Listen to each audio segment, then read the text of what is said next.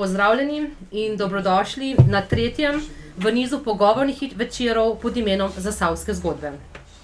V Zasavskih zgodbah bomo vsak tretji petek v mesecu v Zmajevi luknji gostili znane in manj znane zasavčene s svojimi izjemnimi poslovnimi, ustvarjalnimi ali preprosto življenjskimi zgodbami. Pogovore bova vodila Mateja Janes. Eh, da boste vedeli, zakaj je na mestu tale mikrofon oziroma jeti, današnji pogovor bo posnet pa uporabljen tudi za podcast oziroma podajo za savske zgodbe. Podcasti oziroma podaje po Sloveniji, no, to je digitalna osebina, ki je mogoče spleta v obliki audio ali pa video, da to tek prenašati na telefone, računalnike. Našli jo boste pa tudi čez kak teden na Facebook strani zmajevelukne.a ali pa na spletni strani. Punkta. In kdo je danes najn gost? Zasavčan, ki ga redko vidiš brez fotoaparata v rokah. Sam pravi, da rajši vidi, da spregovorijo slike in trenutki, katere tako rad ujame tudi sam. Fotograf po duši in poklicu in ime, ki postaja vse bolj uveljavljeno in iskano v svetu poročne in študijske fotografije. Danes je z nami Lauro Rozina. Lauro, dobrodošel. Živijo.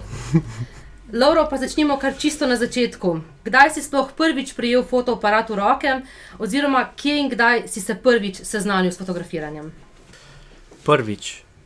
Um, po mojem je bil sam, sam spremljanje domačega okolja. Moj ati je pač kot um, tak, ljubitelj, hobi fotograf, plus to, da ga je poklicno malo ta pot vodila v to, da mu je prišla fotografija prav. In mogoče sem v samem tem obdobju odraščanja ga rahlo spremljal z vsem tem, ampak um, da bi pa sam kdaj prejel, je bilo pa pol po moje, tako v srednješolskih letih ali pa pol, ko sem končal gimnazijo, se je vse skupaj bolj tako za mene tudi začelo. No. Ampak tako rečemo, da sem bil samo mrežen s to fazo fotografiranja, pa tako je bilo pa po moje bolj tono iz um, stika z očetom, pa pač ki je on fotko. Uhum, zdaj, tisti, pač, ki ne veste, pač Loro oče. Um, Roman Rozina je tudi izjemno priznan slovenski pisatelj, no, pa se to verjetno veste. Okay, uh, študentsko pot si začel na ferijo, zdaj kot bodoči računalničar. To... Kdaj si spoznal, približen, da ta pot pa ni zate? V bistvu bom tako rekel, da um, se je gimnazija za mene malce prehiter končala, oziroma prehiter je prišel tisti trenutek, ko. Um, se mora pač dijak odločiti, kaj bo počel v življenju. Ne? Bravo, še par let. A? Ja, ja točno to je. Ja. In v bistvu vsi smo v tistem trenutku bili malo upleteni s tem mircem, igrce. Pa pač tako in nam. Nič drugega tako ni bilo, kot to, da bi jaz, v redu, bom računalničar, ne računalnik, je bil fajn to in tretji. In pač sem šel gor, gor v Maribori, preživel sem, ko pa vem, dve leti tam. In po mojem, že po polovici študija, prvo let, da, da sem mal začutil, da mogoče ni to tono. Um, ampak je bilo načeloma doma težko to povedati, ker tako te podpirajo, pa ja, ja. da presekaš. In, uh, nikoli ne bom pozabil enega večera, ne, ker sem pač tako malo spremljal. Dubo sem zelo rojsten dan prvi tak kompakten fotoaparat, malo me je zanimal in sem pač rekel, jaz bi pa mogoče to enkrat počel v življenju. Mm. Uh, in smo v kuhinji sedeli, pa ja, ti rekel, takrat ne. rekel, se ti kar drž svojega foha, ne, zajeban pač, po domač ja, povedano ja. to. Um, ja, ampak, noč, pa tisti en let se mi zdi, da sem uh, ponavljal. Pa pa ne, po sredini študija nekaj tajnega smo se pač doma odločili takrat, oziroma sem povedal, da ni to to. Uh, in sem hotel v bistvu takrat v šunki upisati multimedijske komunikacije, oziroma pač tako malo je bilo, malo foto, malo video, malo montaže, malo vsega skupaj ampak sem bil prepozen s tretjim opisnim rokam uh, in sem en let pauziral vmes. In v bistvu pa takrat uh, sem pa začel malo bolj resno ali pa ne resno, bolj aktivno sodelovati pač na, na fotografskih področjih, mm -hmm. tako nasplošno. Da me je malo natrpotegel, pa, pa v bistvu skozi tisti en let sem spoznal, da je to res tako. No interesno, pri meni zelo visok, najdel sem na nek način samega sebe, no? da, da je bil to hobi in da bi kar skozi počil. Ja, ja, ja. Ker, da, ne vem, v bistvu vso energijo prost cajt v sebi praktično samo to delo. No? In uh, skozi ta cajt se mi zdi, da je bil takrat prvi ali pa celo drug let, da je potekel pač ta samostojen šolski zavod, vist, pač fotografija. Uh, smo se malo šole za tako. Tako, ja, ja. tako. Um, Pa smo se malo pogovarjali doma no, in v bistvu so me podprli, takrat smo se pa odločili, da gremo v to. No. V bistvu ste gremo v to. um, ja, pa se je vse skupaj bolj tako začelo. No. zdaj v tem času, sploh v tem letu, um, smo te lahko marsikdaj videli v Mladinskem centru Zagorja. Kaj vse si, da bi si nabral izkušnje, recimo takrat fotografiral oziroma pokrival? Mladinski center Zagorja je bila ena taka stopnička v tistih mojih začetkih. Um, praktičen, v bistvu, uh, je, kar se faksa tiče, sem pa vzel, pa delo pač prek enem podjetju kot študent. In v bistvu vsaka colonga je šla v tisto fotoopremo.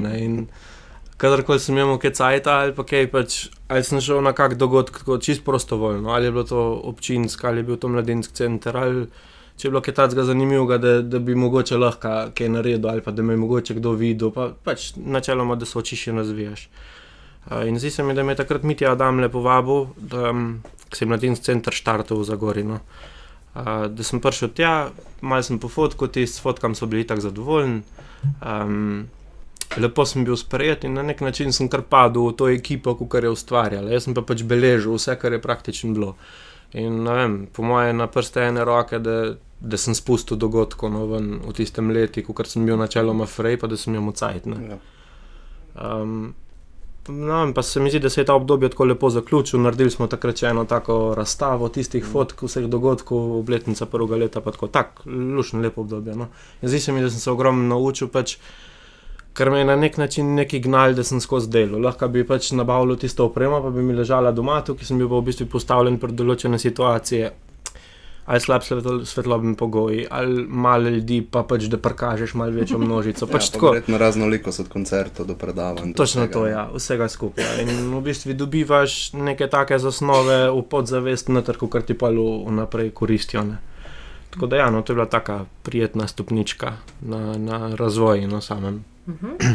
Potem si se pa pridružil tudi fotoklubu Hrastnik. Uh, zdaj, kako to, da si se včlanil v fotoklub Hrastnik, pa kaj ti je v članstvo v klubu, ker pač vemo, da je tudi veliko število vrhunskih fotografov uh, prineslo oziroma pomenilo. To je bila spet neka taka pobuda domačih oziroma očeta, pač poznal je Simona Tančka. Uh, in v bistvu je bila se mi zdi, da so me takrat, ko so videli, da, da, da me je to pač tako prijel, veš, da so vsakem starši, verjetno pa domačem, pač gre, da se bo sin ali pa hčer pač znajdel v življenju, pa neki delo sam sabo. In meni takrat po tistem računalništvu ni neki briljantni kazal. Ne. Tako da uh, so tudi iskali, verjetno, kakšne možnosti, da bi me malo vključovali v določene stvari, če je že bilo pač nekaj na tem. Ne. Ja, in v bistvu je takrat. Um, se mi zdi, da je ja, poslal Simon e-mail, je rekel, pač prid na sestanek in vem, kako tremo sem takrat imel, preden sem šel. Dvakrat tisto eno uro na stranišči, pa pršel kaj eno uro prej, pa ta cel tam pred porto, tam kdaj bo kdo pršel, pa tako, ampak je bilo pa vse urejeno. No, uh, fotoklub je tudi, ja, je bil tak um, precej pomemben dejavnik. No. Pa iz tega vidika v bistvu tako, no, da je tukaj različnih ljudi tam in vsak ima načeloma nek svoj pogled. Pač fotografija je fully subjektivna in težko je reči, kaj je prav, kaj je narobe, kaj je dobro, kaj je slabo. Ne?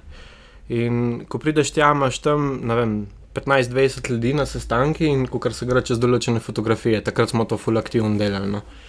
In se diskutira. In v bistvu dobivaš nek feedback nazaj, ko ga drugače težko dobiš, oziroma pač nek tak odkrit pogovor. No? Um, plus to, da Simonom smo se, po mojem, vem, enkrat, dvakrat na teden zaprla gor v atelje, uh, fotoklub, um, in mi v bistvu malo predstavljal tudi to študijsko fotografijo. Pač.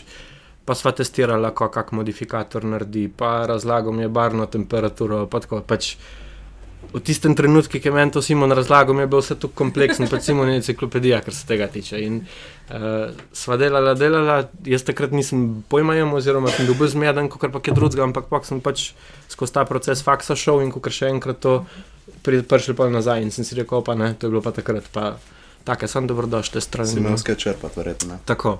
Plus to pač, da iz fotokluba pač izvira res tukaj um, takih vrhunskih fotografov, tudi poklicnih. Imamo Rečemo, Simon je videograf na svojem področju špica, pa sta tukaj Tilen, pa Mitjak, sta mojstra, mojstro, pa Mateoš, ki je še bil, recimo. To, plus vsi ostali, brez veze, omenjati pač imensko, ker se mi zdi, je tako močna sredina, no, ko rečemo, dovoli in spodbuja, razvijaj, ne, če hočeš. Tako, no. Je pa pač fotografija ena takih stvari, da je samo inicijativa precej pomembna. Se pravi, če tukaj ni želje, pa volje karkoli delati, oziroma delati na sebi. -huh. slej ko prej zaspiš. In zaspiš, je lažje zaspati, kot se pa zbuditi nazaj. No. Tako da, ja, no, to, to je to. Zdaj, malo smo že omenili vis. Zdaj, kako izgleda študij fotografije? Naprimer, kaj ti prenese, oziroma če, kako primerjavo lahko daš z načinom dela, ali s ferijem, ali s kakšnim drugim. No? Ja, precej drugačen. um, v bistvu je ja, učenje fotografije. To je spet težko definirati, no, ker fotografija je res tako subjektivna, da je kar kaj. In, um, tudi jaz, recimo, nisem na mesti, pa če lahko rečem, kaj meni všeč. Ampak ne morem pa reči, da to je prav, pa to je narobe. Maš, vsak ima nek svoj pogled na stvar in vsak ima pravico do izražanja na svoj način. In pač nekaj ti je ljubo, nekaj ne. In že iz tega vidika študirati fotografijo, ko se vsak vpraša, ali je to, mislim, gre ali ne. Ali, um, in jaz v bistvu kot tako študij fotografije na visti sem pač dojel tako, da predvsem je. Um, zelo bolj um, osebno se te lotevajo, se pravi, ker je manj število študentov, plus to, da je pač faks plačljiv. In na faksi so predavatelji iz razno raznih žanrov fotografije, pa ne samo fotografije, tudi multimedije, pa zgodovinske umetnosti, tako pač iz vseh možnih vetrov. In v bistvu vsak ti nekaj da, zdaj pa pač v katerem rangi se ti najdeš, tam probaš čim več ven vzeti. Tako verjetno, kot pač vsaka šola. Ne? Ampak tukaj se mi zdi, da je še dosti bolj tako, no? ena na ena obravnava. No? Ja, ja. um, drugače pa noč, pač prvi letnik je fulj teoretično usmerjen in um, od prvega letnika, poleg neke take splošne razgledanosti, se mi zdi, da nisem kaj veliko odnesel, no? oziroma se nisem tako no, poistovetil z vsem tem. No? Uh, Pol recimo nadaljne leta, drug pa tretji letnik je pa tako fulj bolj praktično usmerjen uh, in tudi v bistvu te profesori so na nek način aktivni na svojih področjih. In, um, jaz sem se tam z mojim mentorjem najbolj poklopil, tudi ta študijska fotografija mi je bila fuldo zanimiva, mogoče iz tega vidika, ker pač v tej poplavi digitalnih aparatov, vsega tega je zelo težko potegniti črto oziroma mejo. Kva, pa kaj, pa tako mislim. In v študijski fotografiji se mi pa zdi, da je treba tudi malo več znatno, da vse skupaj nekako um, izvedeš. No, in tukaj, no, tako, na tak način. Um, Vse to, ko si že omenil študijsko fotografijo, tudi ko smo se mi dobili, si izpostavil uh, profesora Dragana. Ariglerja, ja, ja, Pri njem ja, si bil mandat tudi praktikant, ne? oziroma prvi njegov Tako, praktikant. Ne? Pa ne vem, ali sem bil prvi, pa edin. Takrat vem, da sem bil prvi in edin, ja, ampak zdaj ne vem, kako je kaj. Uh, se bolj izogibam tej korespondenci, ker razmer, ki se sliši, mi teži, kdaj bom diplomo dokončal, pa ko je kaj znova to imam še na vest. Ampak ja, um, ja Dragan je pa pač svoj mojster na področju študijske fotografije. Jaz sem pač takrat se mi zdi, da poslal v Narodni muzej Tomažu Lavku prošlo za upravljanje um, prakte, prakse, oziroma pač ja, praktikant, da bi bil pri njemu in se mi zdi takrat. Ja, zavrnjen sem bil, glavnem, pač, da ali nimajo prostora, ali da že imajo trenutno tisti mest zapolnjen za tisti let. In v bistvu vem, da je bilo takrat že v štarti rečeno, um, da draga ne vzema praktikantov, ker je pač Aha. v fazi upokojitve. Pač to je malce starejši gospod, uh, ki je res naredil en tak velik posel tukaj v Sloveniji na področju tega. No, in um, jaz sem vse in pač poslov, plus to še ena, dva druga sošolca. No. In v bistvu meni je takrat zelo navdušen v odpisu, pa je rekel: Ja, zmejen, prid, pa greva na eno kavo, se bova zmenila, ko je izvedljiv, ko ne, in smo se v bistvu takrat poklopila. In pa je v bistvu iz te prakse rad ali še ful večno. Uh, ker je bilo prakse že zdavni, ko sem šel vse in hodil v Ljubljano v njegov studio, pa so pač delali na takih velikih projektih, od Uniona do okay. bilo česa, Helios, pač take stvari. In v bistvu se na takih stvareh, na dejanskih problemih, pa reševati te probleme največ naučiš. No. In v bistvu sem. To, kar sem v bistvu od njega odnesel tam na ta način, tudi zdaj to naprej peljem no, in pač delam. Ne. Tako da. Ja. Zdaj, kmaj si se pa začel ukvarjati in tudi kot poročni foto fotograf, v bistvu s tem si nekako bolj začel. Ja. Um, kako si sploh v to vstopil, kako recimo prideš do, prve fotogra do prvega fotografiranja poroke? Tako kot si drug fotografik začenjajo s poročno fotografijo, sem tudi jaz tako začel. Oziroma, pač ja, um, prvo zaslužek, recimo, da je bil tako, kar se poročne fotografije tiče. Pa ne, da bi bilo to kakršna koli direktiva, ampak zdi se mi, da je največja poplava tam in tudi najmanjša selekcija ko je recimo v redu, pa ko ne. In do, dokaj hitro lahko načeloma, če pokažeš malo samo inicijative, prideš pač do fotografiranja na poroke. No, pač, Široko si to. Tako. Uh, ogromno je tega, plus to, da je ogromno fotografov, ampak očitno je pač za vse da zdelano. Uh, drugače pa nič. Prvo sem mende žlaht po fotku, tako kot vsi. Uh, pa sem normal na Facebook, pa je kdo videl, pa se je mal polajkal, pa pač tako, tak novodoben sistem. Pa sem pa eno asistiral, uh, pa sem pa mende že eno čistko, čist svojo, svojo fotko. No, tako. Eno v bistvu tako se je začelo. Rečemo, prvo leto sem imel na eno, glihto, da sem mal izkusil, pa še to je bilo decembra 6, vse je bilo gnilo od zunaj, neč od neč, ampak ja. Super pogoj. Ja, ja super pogoj. Ja. Ampak ja, se v bistvu tako pogoji te na nek način izoblikujejo, ker nimaš idealnih razmer pred sabo, ampak še vse in moraš nekaj narediti. Ne. Um, plus to je ja, pač, da je poroka nek tak uh, dogodek, ki se samo enkrat v življenju načeloma naredi. Uh, nimaš ponovitve nekaj. Tako, tako, ja. tako da tukaj se mi zdi, ja, pač, da moraš biti tudi malo odgovoren, samga, sem odgovoren do samega sebe, pač, da se čutiš sposoben ga jedeti, kaj ta zga fotkat. No. Uh mhm. -huh. Ampak ja, načeloma na ta način, no, da se je vse skupaj malo začel. Ti poročna fotografija predstavlja izziv, pa recimo in z vidika kot fotograf in kot podjetnik, na kaj recimo moš biti posebej pozoren? Ja, kot sem omenil, naredi se samo enkrat ne? Uh, in ne smeš zamditi, oziroma pač če se slučajno to kaj naredi, je fajn, da imaš nek backup. Jaz pač delam zmer v pari, oziroma zmer velikrat.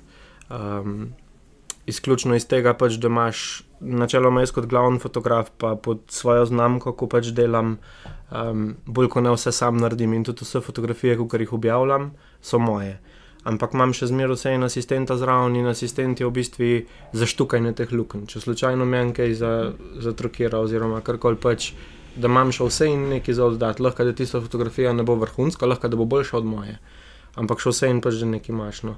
In v bistvu to, no, priporočni fotografiji je res to, da lovljenje teh nekih ključnih trenutkov. No.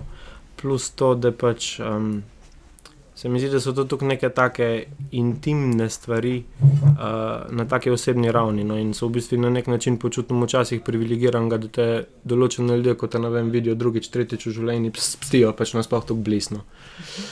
Um, drugač pa ja, no, uh, zanimivo je to delati, no, ker spoznavaš nove ljudi, vidiš nove kraje. Pa, pač vsi se, se mi zdi, da ženemo za tem, da bi naredili mogoče neki drugač, kot je že bilo narejeno. Eh, to mi mogoče tako izziv predstavljeno.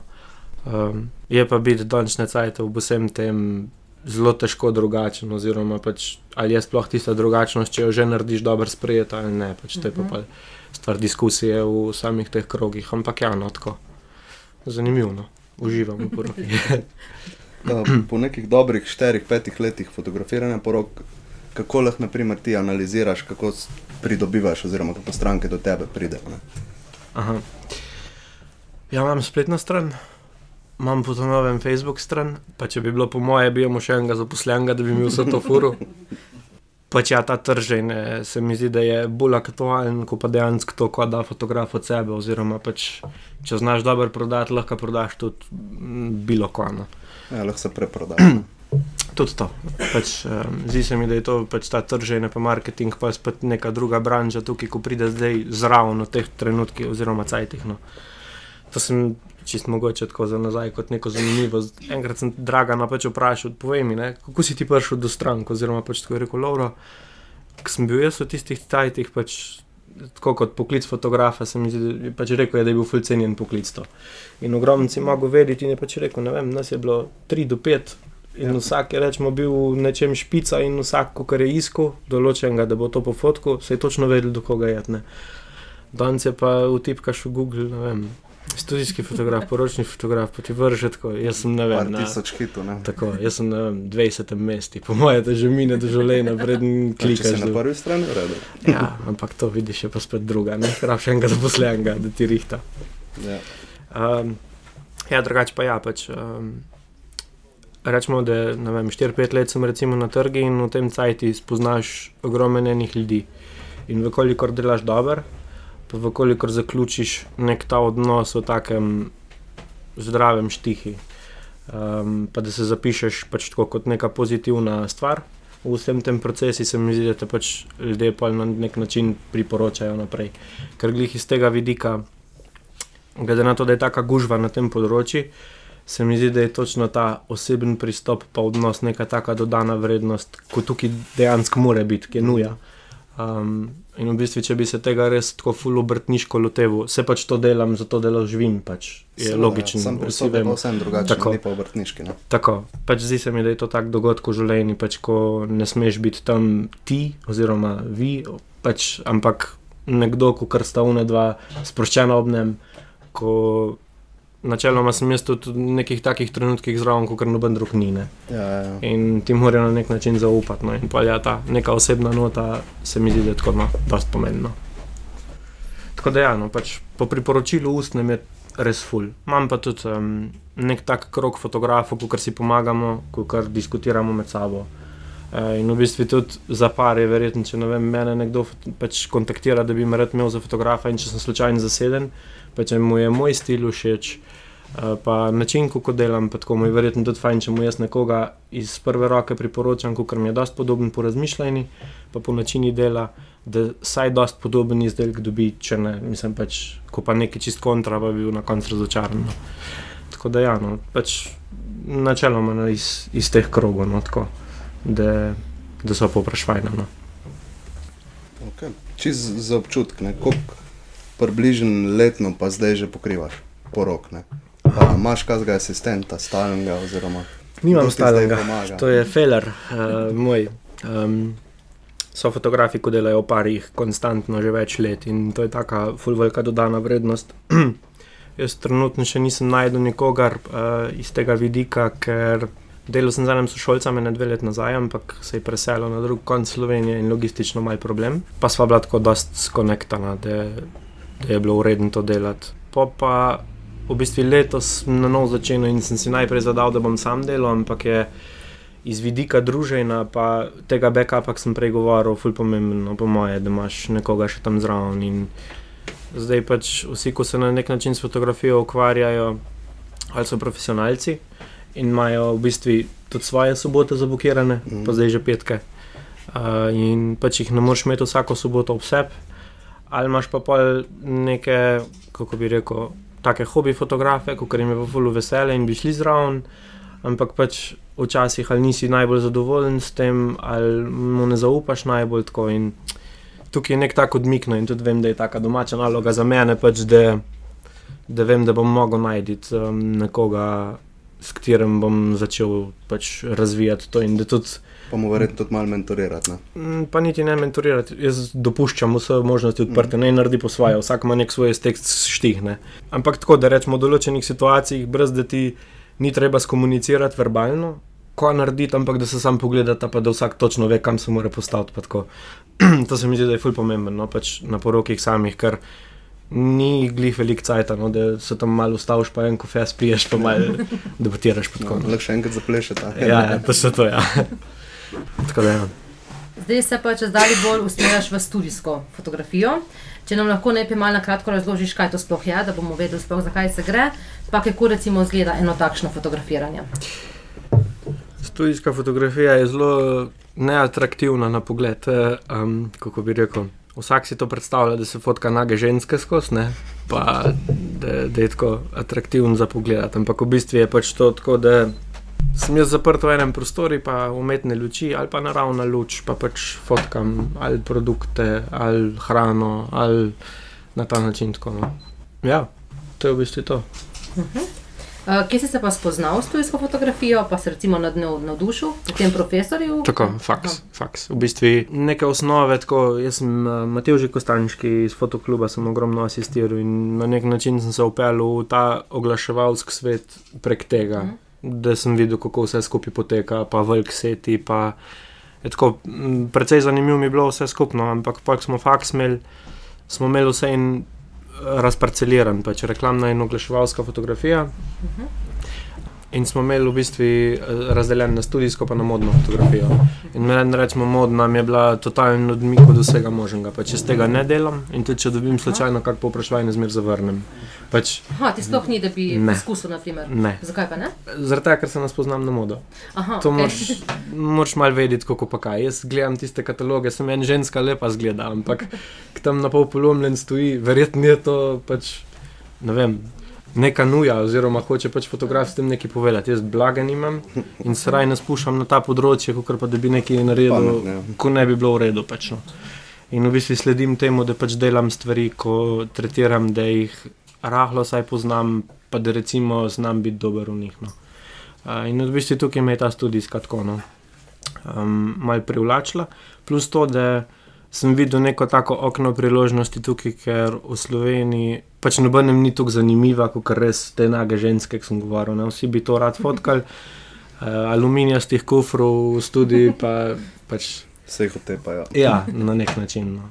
Se mi pa zdi, da je še vse in treba ogromno znatno, pa tak pica izlazdel je to. In, no, na nek način sem se najdel v tem, drago je pa pol postavil piko na ija je bilo vse skupaj še bolj tako zanimivo. Ja, kako si pa pristopil, ne? prej smo že malo omenili poroke, kako si pa pristopil do študijske fotografije, naprimer kot posla? Pa s čim Aha. si začel, ne? oziroma kaj je bil naprimer, tvoj prvi izdelek, če ni skrivnost? To v bistvu je čisto take prve študijske stvari, sva s Simonom ustvarjala gor, pa jaz sem nek tak. Uh, Ene kozarce sem od doma prinesel, pa pač tako čist mali svirbca, probavo, kaj se pač dogaja. Kot sem že prej omenil, meni je fotografija hobi, v, poklic, pač v prvi fazi hobi in se čutim privilegiran, da lahko to še delam za žvet. Um, in v bistvu je ja, pač nek tak raziskovanje, plus to, da je pol enkrat prišla, ogromno sem fotkal neke pokrajine za Savske. Mm. Za regionalno razvojno agencijo takrat, in tudi zraven so prišli za spletno trgovino, nek uh, produkti za Savja, kot Aha. spominki.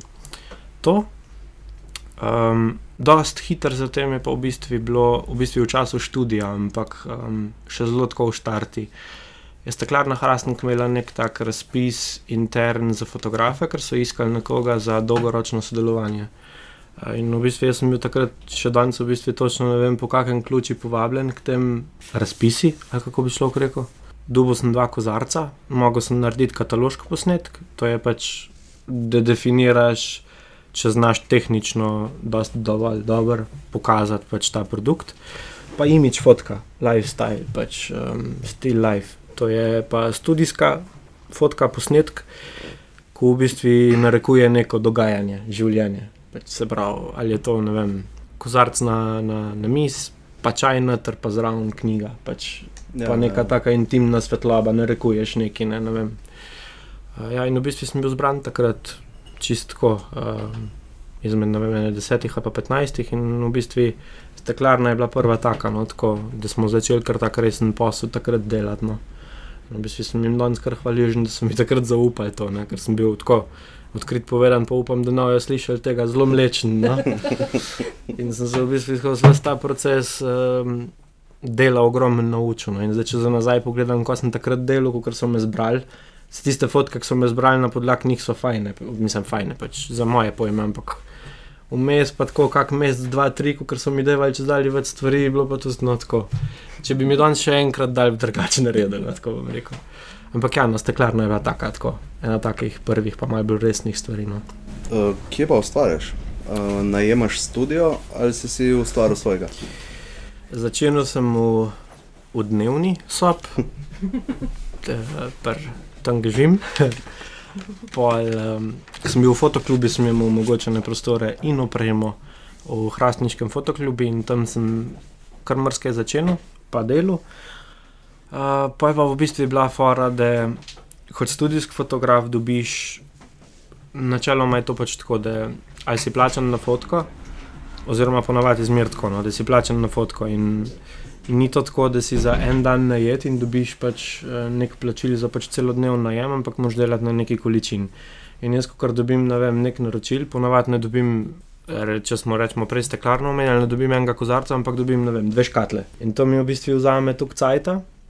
In v bistvu, ko kar fotkaš, Jaz sem, jaz sem pač doma na izlakih in sem se vozil v Hrastnik, to je pol ure, nazaj pol ure, zbiš že eno uro. Recimo, in um, rečemo, da narediš en filar, pa ti čez dva dni javijo, da je treba nekaj popraviti, spet v Hrastnik. Pa popraviš, pa prideš nazaj, pa spet ni v redu. Tako. In v bistvu sem imel dosta sreče, da je starata tukaj zidu svoje dni. Uh, da imamo dosta pleca doma no, in si v bistvu na nek način sem si v bistvu mama mi je, stara mama, mi je odstopila svoj prostor, kot da je včasih rože gojila. Tako da sem si ga jaz zdaj zasilno malo zrihtel in pač tam ustvarjam, imam pa v bližnji prihodnosti pač um, neko tako investicijo narediti, da bo vse skupaj tako na najbolj profesionalni ravni pa zgledal. Da bom še koga pripeljal, okay, ne pa da bom gledal okrog, kako si bo kjer mislil. da, ja. Ampak ja, imam svoj prostor, no, zdi se mi, da je to nuja uh, za ta ja, žanr fotografije. Če se fokusiraš na to. Ne? Tako, tako. Zdaj, po izkušnjah, ki si jih do zdaj zbral v sodelovanju s podjetji, kolikšen pomen dajo podjetja, govorimo o sklopu marketinga, fotografiji? Se jim zdi to pomembno? Čisto odvisen. Ali bolj sistemi se od sodelavke hčerka lahko pofotka par stvari? Čisto odvisen. Odvisen od podjetja. No, ne bom tukaj se opredeljeval, pač eni ja, drugi ne, eni dajo ogromno poudarka in tudi ogromno enih financ, ker pač dojemajo to kot neko investicijo. Uh mhm. -huh. Konec koncev, vsak posel danes, tudi jaz, recimo, pa nudim storitev, ampak tudi jaz vlagam finance pač ali v marketing, oziroma pač v neko tako oglaševanje, zdaj, ali v neko izobraževanje, ali delavnice, ali pač karkoli. In tudi podjetja se mi zdi, da če imajo ali, ali storitev, ali pa praktične izdelke, če hočejo na nek način pospešiti to da pač morajo vložiti nekaj, no, da dobijo nazaj. Ne morajo samo vzemati, ker se po mojem slejku prej to ne aha, ali pa če so ne vem, ko, da imajo eno tako unikatno ali storitev ali produkt, da se bo samo od sebe prodajal. No. Ker se mi zdi, da živimo pač v, v takem obdobju, ko je populacija lena in pač berejo. Ne, Ja, bolj so vizualni sami. Ja, vizualni impact. Instagram. In, ja. Tako. In pač um, ogromno poudarka je na video in fotografijo. No, zdi se mi, da se če zdaj bolj um, zavedajo tega, no, pač, da je treba nekaj vložiti. No, ampak ja, nekateri so že tam, nekateri še ne. No, ampak ja. Jaz imam načeloma, s katerimi sodelujem, pač se zavedajo, oziroma pač delajo na tem, da vlagajo. No. Uh mhm. -huh. So pa tudi taka, pač, ko vidiš, da bi lahko kdo kaj naredil, ampak to ni moja naloga. Um, lahko recimo na enem primeru, pa ni treba omeniti, recimo podjetja, opišeš, kako izgleda takšno sodelovanje. Ti dajo proste roke, jim je jasno, recimo, kaj želijo, želijo, kako želijo od tebe to prejeti. Ali... Spet čisto odvisen. Um, čist proste roke nikoli niso. Oziroma, znajo biti, ampak zna biti pa velikrat kak problem. Oziroma, pač mi, mi si pa tega nismo tako mogoče predstavljati, pa je pa samo dvojni strošek, pa ponavljaj, spet, pa tako. In dvakrat cajt, dvakrat strošek. Načeloma ne, jaz ponovadi tudi če. Pa je to zdaj že zelo redko, no, da ni nobene usmeritve, ampak če slučajno jo ni, še vse in malo pobrzam, da v bistvu mm -hmm. mi saj dajo nek tak briefing. Neki, neki, torej, ti imaš rad, da ti dajo nekaj ja, v bistvu, tako bom rekel. Zdaj, če me čisto mejijo, da, da je točno dorečen, kaj treba narediti, imam rahle probleme s tem, ker pač vsak fotograf, kot sem že prej rekel, to je subjektivna stvar in vsak ima uh mhm. -huh. nek pogled na situacijo, pa neko tako razvito estetiko, oziroma pač komu leži. In um, vsak verjetno bi rad naredil nekaj po svoje. In če ti en direktira tam točno, kako narediti, uh mhm. -huh. naj sam naredi. Uh -huh. pač v bistvu si ti najed za to, da narediš na podlagi tega, kako no. delaš. Ne? In zdaj, če ti fulj zavežejo roke, ni zdrav, oziroma pač ali sem jaz pa na koncu nezadovoljen. Pač fajn je, da ti pstijo malo okna svobode, uh -huh. da se lahko na nek način izražaš, ker konec koncev fotografija je na nek način izražena. Um, zdaj, če pa res ni nobene take usmeritve ali pa kaj pa tudi zna biti tako no.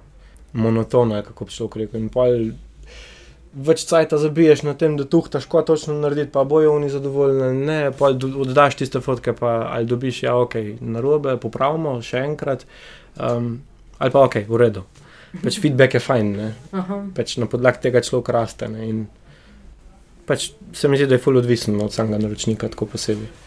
Ne bi se mogel sam na enega osredotočiti. So pa vsi različni. Pač, uh, Sestanke je definitivno to prvo, tako najbolj tako osnovna stvar, ko pride zraven, da sploh vidiš, če se ujamete ali ne. ne.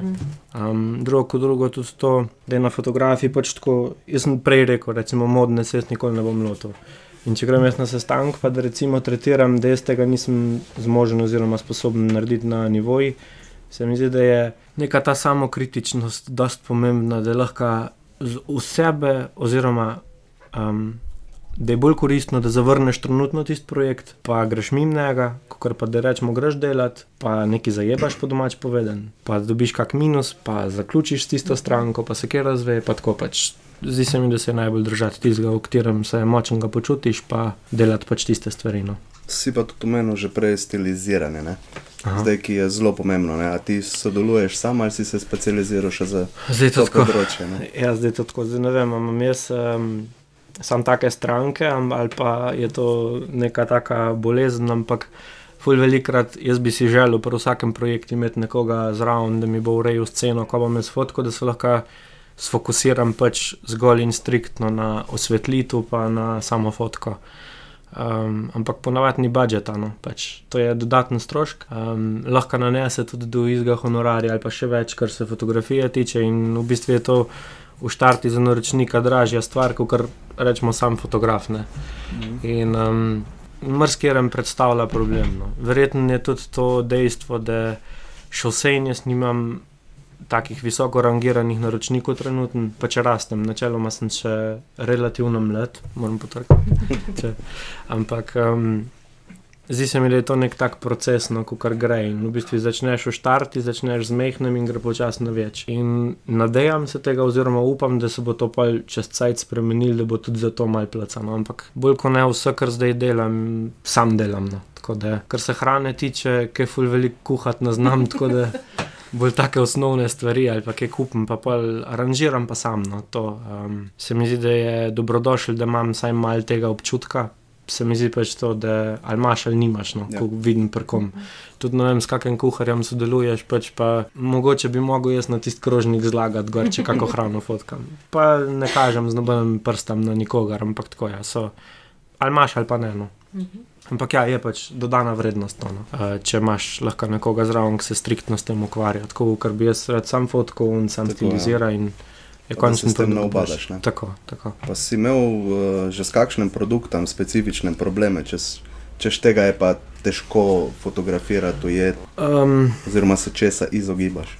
Kar se študijske fotografije tiče, ne. Se mi zdi, da sem prerastel to, oziroma prerastel, če dobim nek nov produkt v studio, mi je prej, če ga še slučajno še nisem fotkal, ali pa da je nek nov material, se mi zdi, da mi je prej izziv, kot pa da bi se ga bal. In glih to sem se recimo Dragana naučil, da če imaš problem, ga rešiš. In v bistvu časovno ti vzame malo več časa, da naštudiraš stvar, kako pa kaj. Ker se mi zdi, da pač vsak material zahteva neko specifično osvetlitev, da prikažeš karakteristike, ki jih moraš. Um, tako da problem, mislim, da bi se bal slučajno kakega produkta. Ne. V bistvu, po mojem, najbolj, največja taka nočna mora bila res od steklarne, neka taka akvarij, kugla, štrihana na krom zlato. In v bistvu sem hodil okrog in okrog, pa skodarkoli sem pomahal, sem se videl. In... Ja, je bilo tako, ja, tam sem pa malo Google, pa ni bilo nič katacga, pa pa. Mm, ne, na nek način se mi zdi, da mi je oče pomagal, da sem en tak rekvizit naredila, no, da sem pa v postprodukciji imel malo manj problemov, kar se tega skril, tiče. Tako, ampak ja, eh, so stvari, ko so teže za fotkati, ampak je lušno. No, če jih vzameš kot izziv, je fajn, če pa vidiš problem, je pa odpor, pa potegne za sabo vse, pa spol nezadovoljen. Pa tako, tako da raj ne tuhtam v tej smeri. um, te podjetja sama kontaktirajo ali gre bolj preko agencije?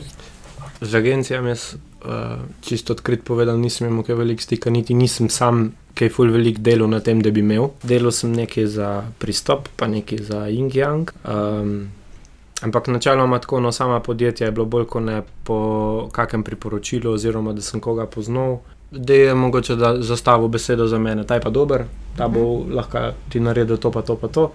In na nek način so, se pravi, pač, to je nek tak proces. Zdaj, recimo, da tako res aktivno, da se ukvarjam tri let, uh mhm. -huh. dve let imam SP, oziroma ne dve let, en let celo.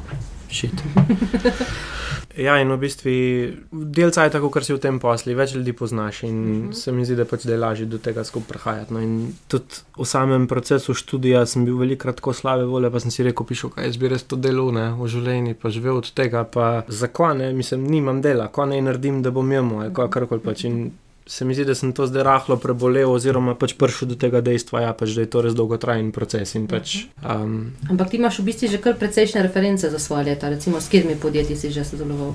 Um, Za omenil si že dve oglaševalske agencije. Ne? Ja, pristop in to so take precej tako velike. Sicer nismo nekih baš velikih stvari delali, ampak, no, ampak smo pa delali. Ja, točno to, sej, pač, korak za korakom. Pač, najprej mehna stvar, če dobro narediš načeloma, oziroma saj.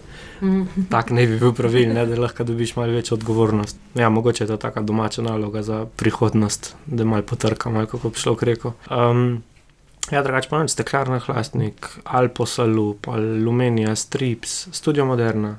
To je bilo glede zdaj na Frišin, smo delimano, malo uh, Lojza Tačopa, fotkal, ki je kuhu, pa Dormejo sem zadnjič fotko. To je bilo tako tak highlight mogoče do zdaj. No. Um, tako ja, pač. To bi si zelo močno podjetje, ne?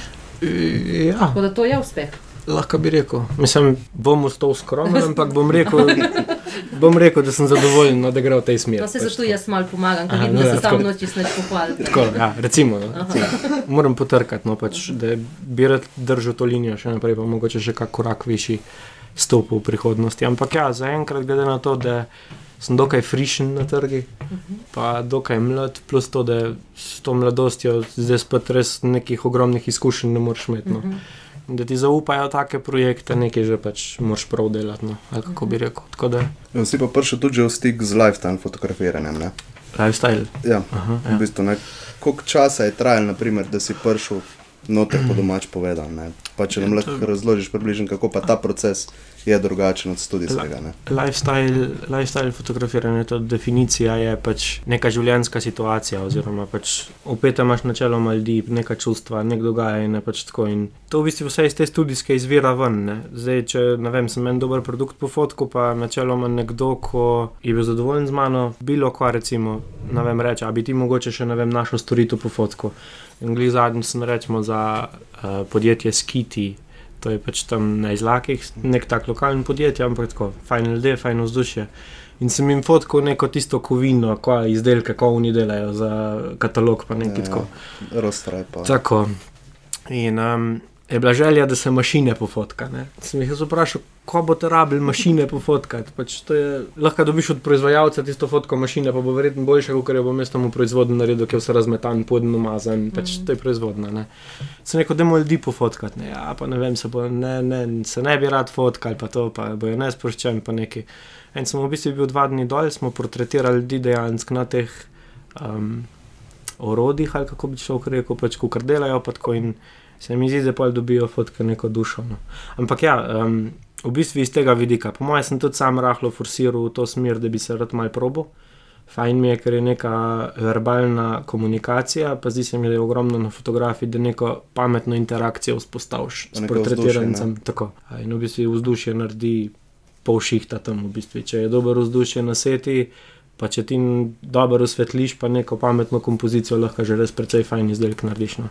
Tako da, ja, pa, pa tukaj je bil pa ta delimano, dormejo, pa za v bistvu avtomehanično delavnico eno sem na ta način fotko. Pa tako, pač je bilo kar ena par takih projektov. No. V bistvu ja, je tako tak, v bistvu neka stopnička višji od te študijske fotografije. Pa ne me narobe zastopiti, da, da bi bila kava bolj zahtevna, oziroma pač na ta način, ampak mal drugačen način dela je, sama začetna faza priprave. Tako, no. tako da ja, no. je pa dosti podoben vse skupaj, oziroma pač. So ciklo, ne. Tako, pač to je oglaševalska fotografija, ko mora načeloma prodajati. Zmer mora biti ta prodajna fotografija, to mi je Simon enkrat rekel. Zmer mora biti boljš, kot v resnici zgleda. to smo pač smešno slišali, ampak tako pač je. Ne. Vsi gledamo tiste reklamne letake, pa tako pač vse zgleda full slast in pa tako pogreš pa na štrcuno, pa kopšti šnicl, pa je bolj tako. Ja, pač. Tako pač je. Ne?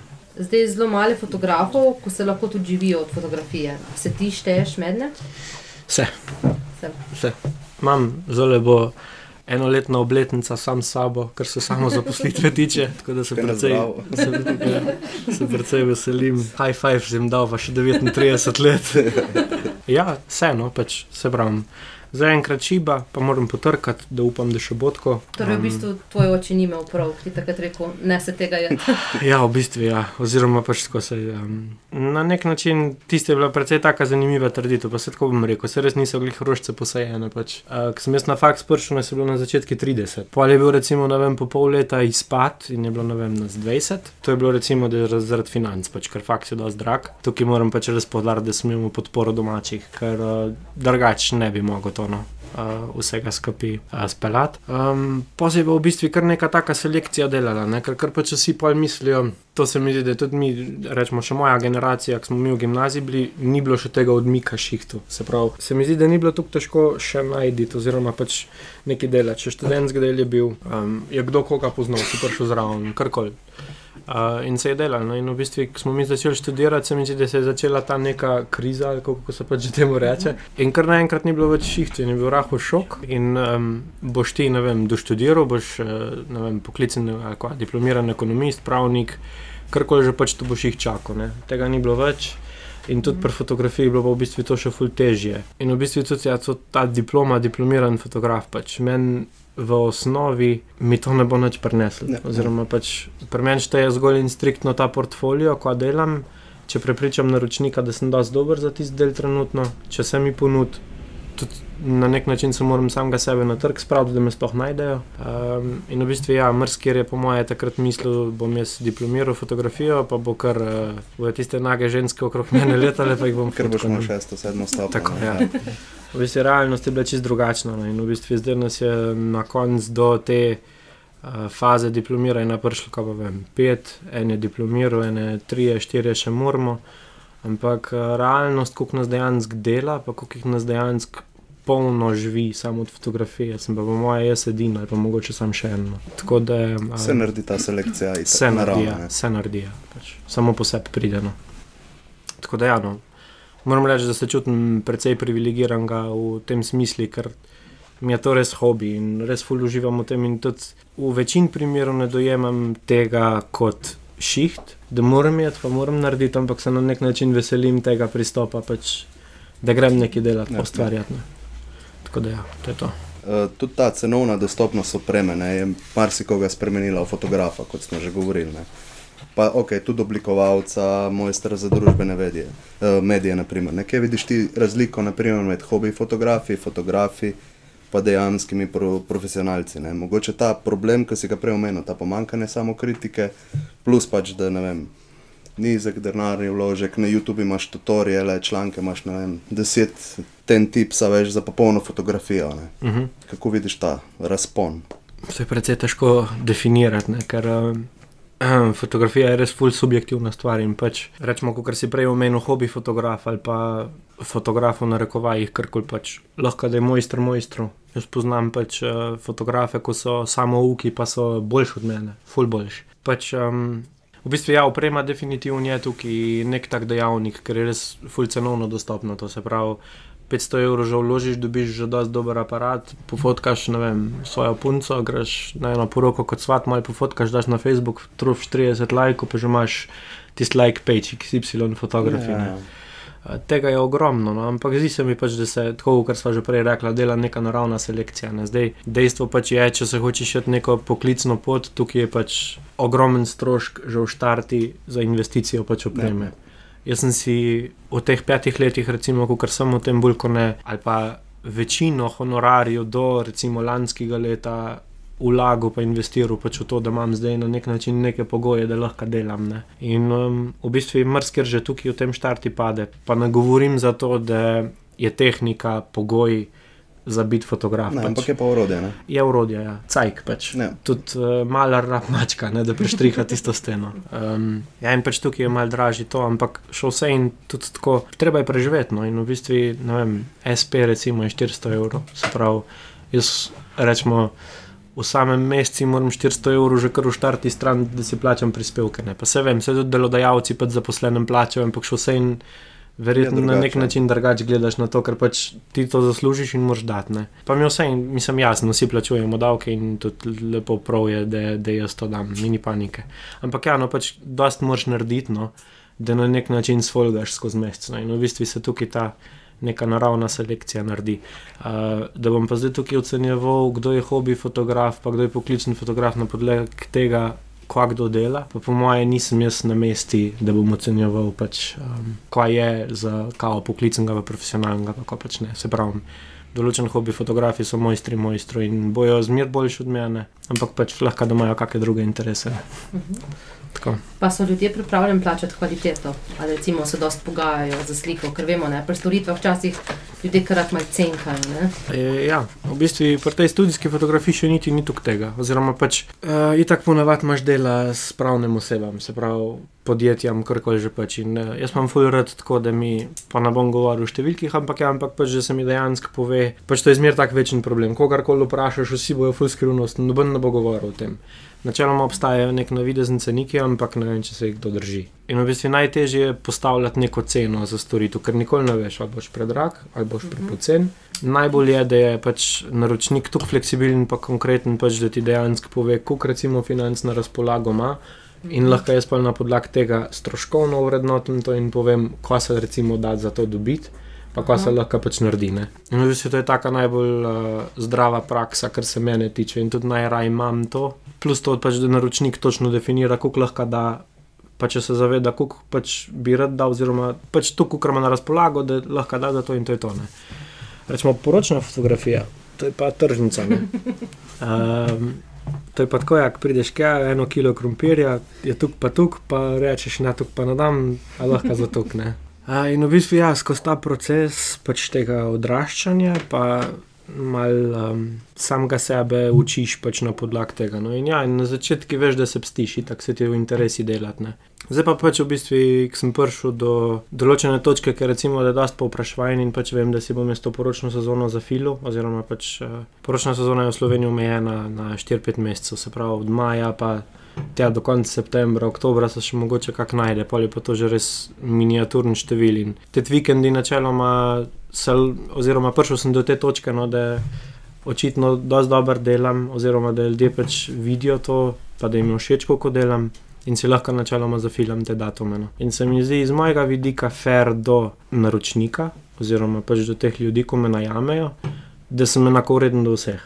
Se pravi, če imam jaz neko ceno, za katero stojim, pa za katero tretiram, da jo pač moram imeti, da se preživim. Za kobi, recimo, za Janeza iz spodnjega dupleka spustil ceno za 400 evrov, če mi je Micka iz ja, dola ja. prehrastniki plača polno. Ja, ja. In noben se ni pač drugačen. V bistvu je iz mojega vidika do vseh ostalih pač fer, da sem enako vreden do vseh. No, in to je to.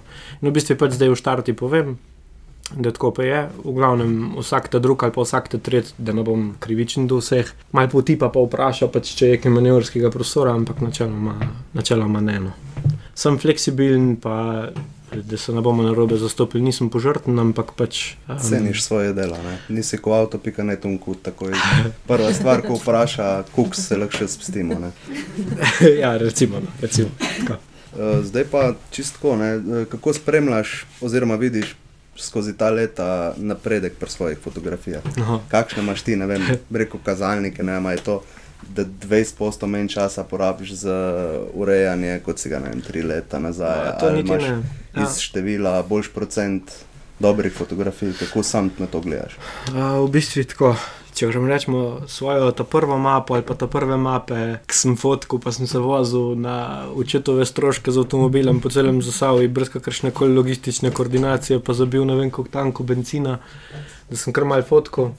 Malo rožce, pa sončne zahode, tako ko si začnemo. E, ja, v bistvu, ko pogledam na tiste fotke nazaj, se primem za glavo, ampak se mi zdi pač, da je bil to nek tak korak oziroma učen proces, ko ga vsak mora dati čestno.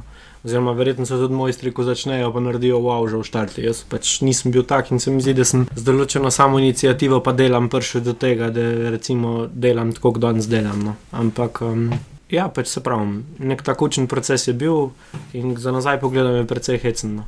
Zdaj, kar se editira in tiče, oziroma ureja in fotk, bi rekel, da mi prej del cajt vzame, kot pa, pa da sem hitrejši. No, vidim še določene stvari, kot bi jih bilo treba popraviti, kot jih včasih nisem videl. Mm. Pač postprodukcija je tukaj en tak ogromen dejavnik v današnjem cajtu, ker omogoča tako dobre fotke, kot jih prej nikoli ni bilo. Pač digitalno na nek način tehnologija to narekuje, no pa vsi te trendi. No, tako da uh, v bistvu je žalost iz tega vidika, da je editiranje z računalnikom praktično po moje časovno, če opredelim vse skupaj in per studijski in per poročni fotografiji več, kot pa samega fotka. No, ja.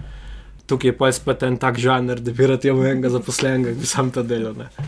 Ampak ja, no, drugače se mi zdi pač, da je ta razmik. No tudi neka taka osebna rast, se mi zdi, da je pač tukaj uh, dejavnik, ker pač gledaš na stvari drugače, kot si takrat gledal. Plus to, da ne vem, če sem danes neki fotko, pa ko bom urejal, pa bom pogledal čez en teden, bom videl mogoče na ene napake, ki sem jih naredil in bom naslednjič pač pazljiv, da tega ne bom ponovil. Uh, zdaj, če je to opcija, da ponovim, glih, ne vem, tri dni nazaj sem meni luči fotko v studiu ko sem urejal, sem v bistvu videl določene napake in sem šel še enkrat fotkati. Mm -hmm. pač. Ker tretiram, da če dobro naredim, oziroma da ne delam v liniji najmanjšega odpora, pač, da je to neka naložba za naprej. No. Uh, in, ja, in v bistvu se na svojih napakih učim, pa gledaš pač neke take mojstre, kot so v določenem fahu, ko res dobro delajo in se pač načeloma probaš moj zgled vat po njih. No.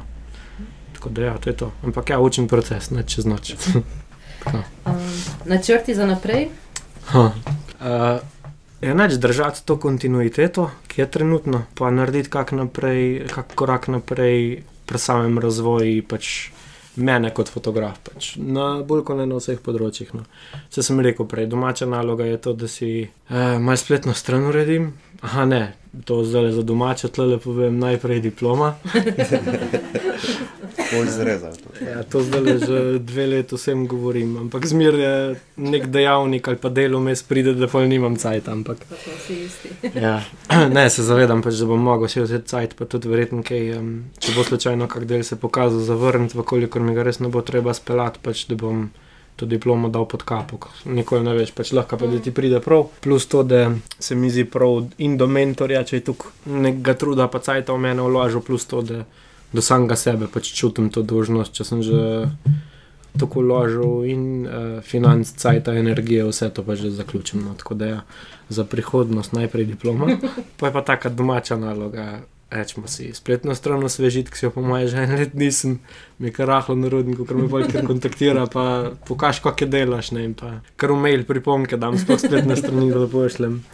To pa pa ja, malo portfolio na build. No. Pač, malo mi cajt zmanjkuje za neke osebne projekte, kot bi jih rad speljal, pa vem, da sem jih zmožen speljati, ampak dejansko enostavno ni cajt, no. ne folgam. In um, bi rad naredil nekaj, da bi bilo korak višji tega, kar dejansko kažem za naročnike. Pač, za naročnike še vse en, kot smo prej govorili, če dobiš ti neko direktivo oziroma brief, ko pričakujejo od tebe, moraš pač na tako narediti. -huh. uh, in um, jaz bi včasih morske po svoje naredil, ampak pač ne morem. Ne, mogoče kak korak še tukaj naprej, no pa jaz se komu predstavljam, da vejo, da sem na trgi, da obstajam, pa da dobim kakšno priložnost za kaj naprej še ne. Tako. Vsakemu gostu za savskih zgodbah zastavlja tudi dve za savsko obarvani vprašanji, ki sta vedno enaka, enaki vprašanji za vse goste. Zanima me tvoja najljubša zasavska beseda. Pizdarija. Lahko je ta beseda. Pizdarija je zasavska. Ne vem. Sem vedel, da si mogel tale vprašanje prebrati, predtem sem se prišel. Uh, Kako povem? Hodre. Se to pa, kamorkoli pridem, pa, pa če jaz to dosti pogosto uporabljam in komorkoli rečem, pač tako, pa ne da bi bil do koga žaljiv, ampak. Sam je dobro opisan. ja, pa jaz imam tako čudno partijo in bolj se podjebavamo, bolj nam je fajn. In, če kdo kak izven zasanja zraven, pa da komu rečem hodre, pa kar vsi hodre, hodre, pa ja. kva to pomeni. Ja. Mogoče hodre, ja. Če je zasavska, je. Ja. Mislim, da.